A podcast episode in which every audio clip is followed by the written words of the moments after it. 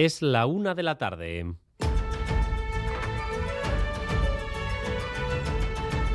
Crónica de Euskadi con Dani Álvarez. A Rachaldeón, pescar un ejemplar de merluza cuesta algo menos de 2 euros si es merluza de arrastre. El precio final, tras pasar por cinco fases e intermediarios, se multiplica prácticamente por 5. Hemos seguido esta mañana el recorrido que hace el pescado desde el mar hasta la cazuela.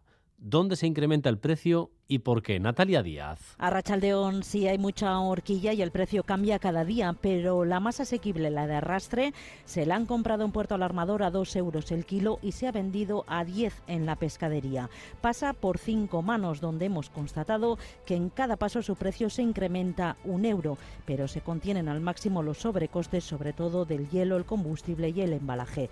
El mayor salto, lo hemos constatado, se produce en su venta en subasta, donde el precio lo fijan los subastadores y los mayoristas, muy presionados sobre todo por las grandes cadenas de supermercados.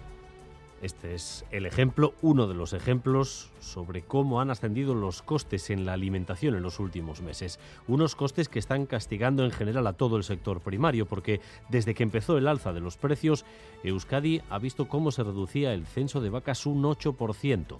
Los baserritarras se están deshaciendo de ellas porque no pueden pagar el coste hemos perdido en torno al 8% de las, de, las, de las vacas de leche en Euskadi desde el principio de año, que es una cantidad muy relevante.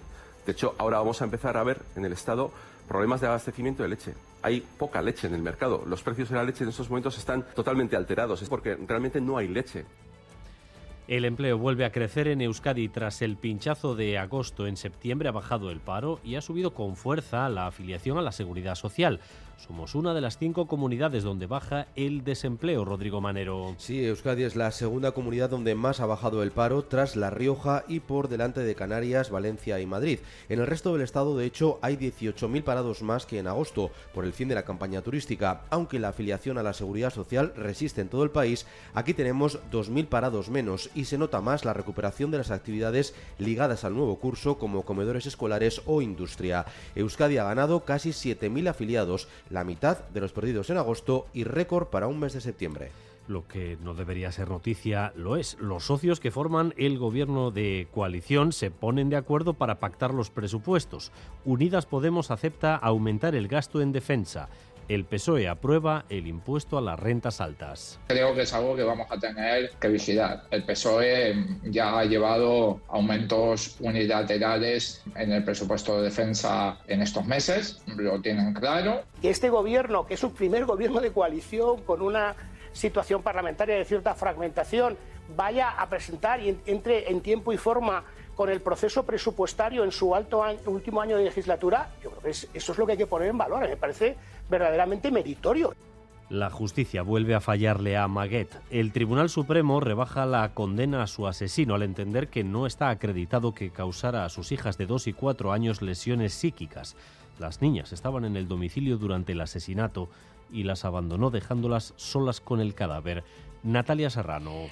Echa por tierra el veredicto del jurado, la sentencia de la Audiencia de Vizcaya y la del Tribunal Superior de Justicia del País Vasco. Todos condenaron al marido de Maguet por asesinato, maltrato habitual, abandono de las niñas y por causarles esas lesiones psíquicas. Pero el Supremo tiene dudas si las lesiones son porque presenciaron el asesinato o porque permanecieron siete horas con el cuerpo sin vida sin incorporar perspectiva alguna de género, dice la abogada de la familia de Maguet, la sentencia trata unas lesiones psíquicas tras el asesinato por violencia de género de una madre como si fueran de otro tipo.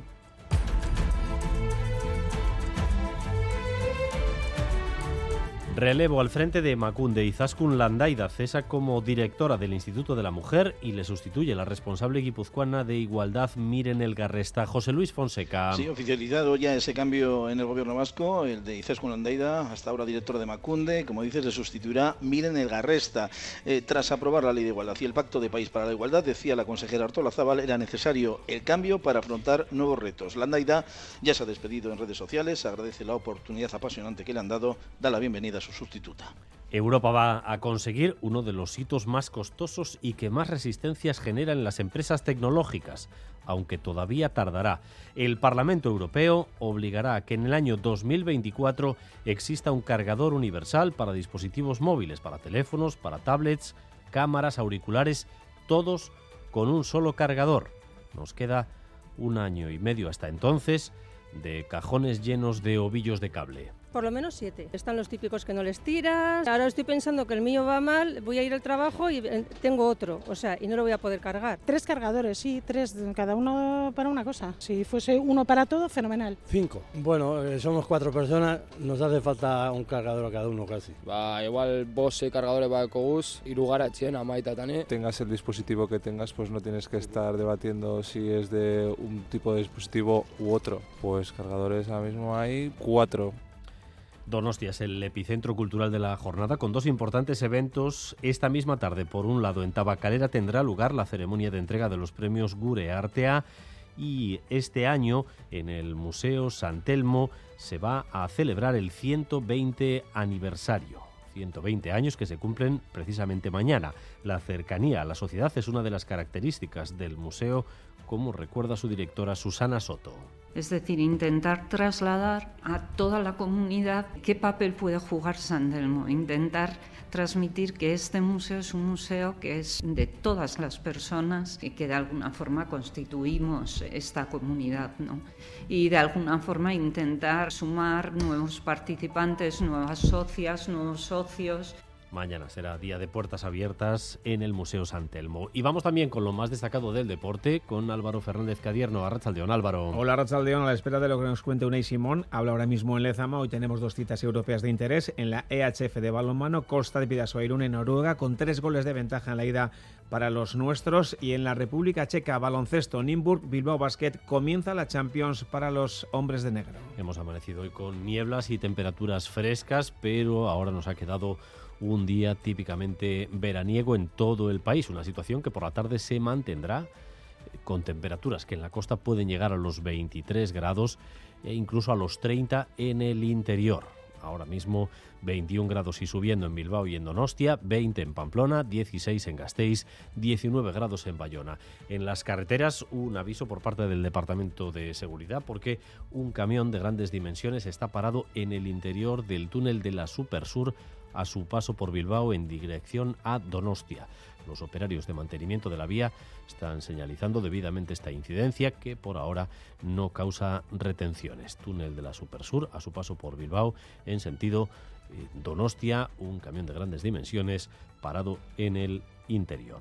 Gracias un día más por elegir Radio Euskadi y Radio Vitoria para informarse. Raúl González y José Ignacio Revuelta están en la dirección técnica, a Iciber Bilbao en la coordinación. Crónica de Euskadi con Dani Álvarez.